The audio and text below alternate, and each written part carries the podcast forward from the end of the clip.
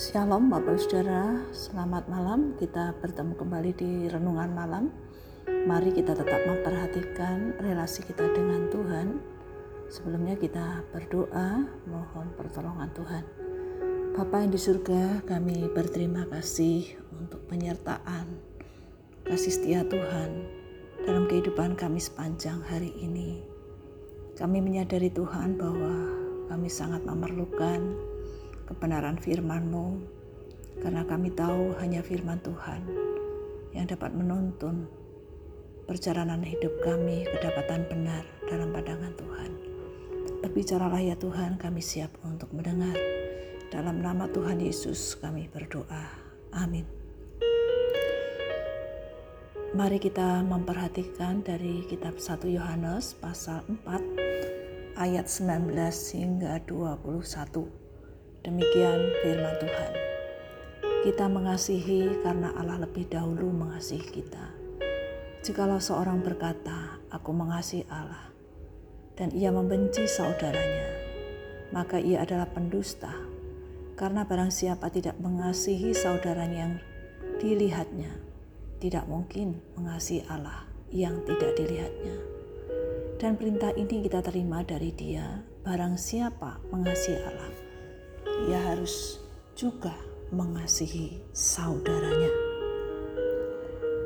Allah yang lebih dahulu memulai mengasihi manusia. Dia telah membuktikan bagaimana menyatakan kasihnya bagi anak-anaknya. Kita mengetahui bahwa Allah mengasihi kita bahkan kita juga sudah merasakan kasihnya. Ketika kita menyadari telah merasakan kasihnya yang sempurna dan tidak terbatas, maka sesuatu yang wajar kita mengasihi Allah. Dapatkah kita mengasihi Allah yang tidak kelihatan? Kita dapat mengasihi Allah yang tidak kelihatan adalah dengan cara mengasihi saudara yang kelihatan. Saudara yang kita lihat, yang nampak dalam kehidupan kita. Tidak mungkin mengasihi Allah jika kita tidak dapat mengasihi saudara yang kita lihat. Firman Tuhan mengatakan dengan jelas, "Jikalau seseorang berkata, 'Aku mengasihi Allah', tetapi ia masih membenci saudaranya, maka dia adalah penipu." Karena barang siapa yang tidak mengasihi saudaranya yang dilihat, yang nampak, maka ia tidak mungkin dapat mengasihi Allah yang tidak kelihatan dengan mata jasmani. Wujud nyata mengasihi Allah adalah mengasihi saudara, mengasihi sesama kita.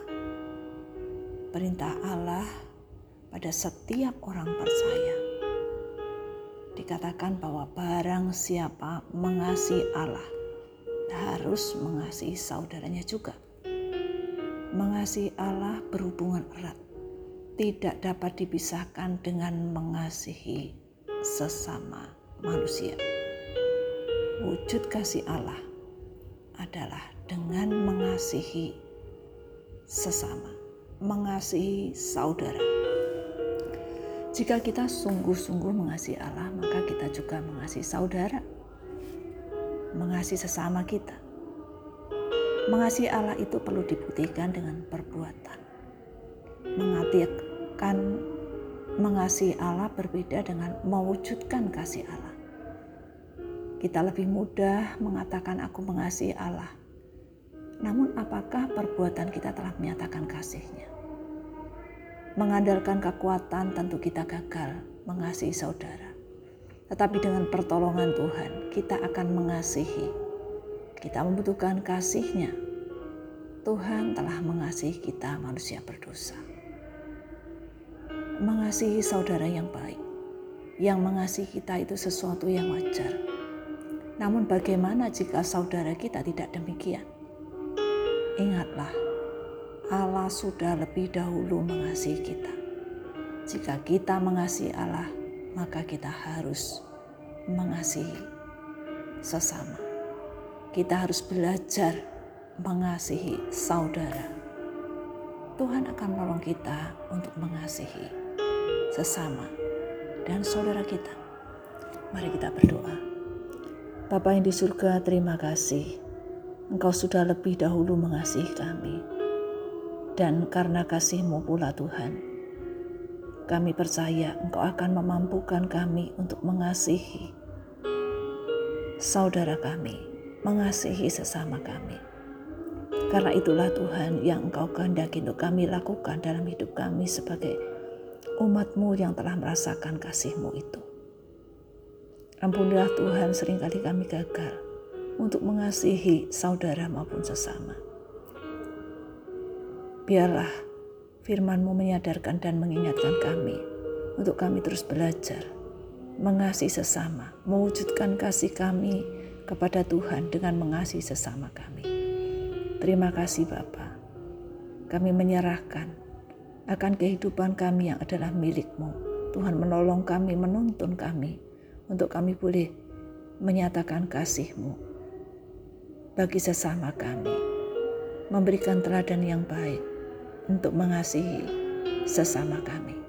Terima kasih ya Tuhan. Kami berdoa, kami bersyukur di dalam nama Tuhan Yesus. Amin.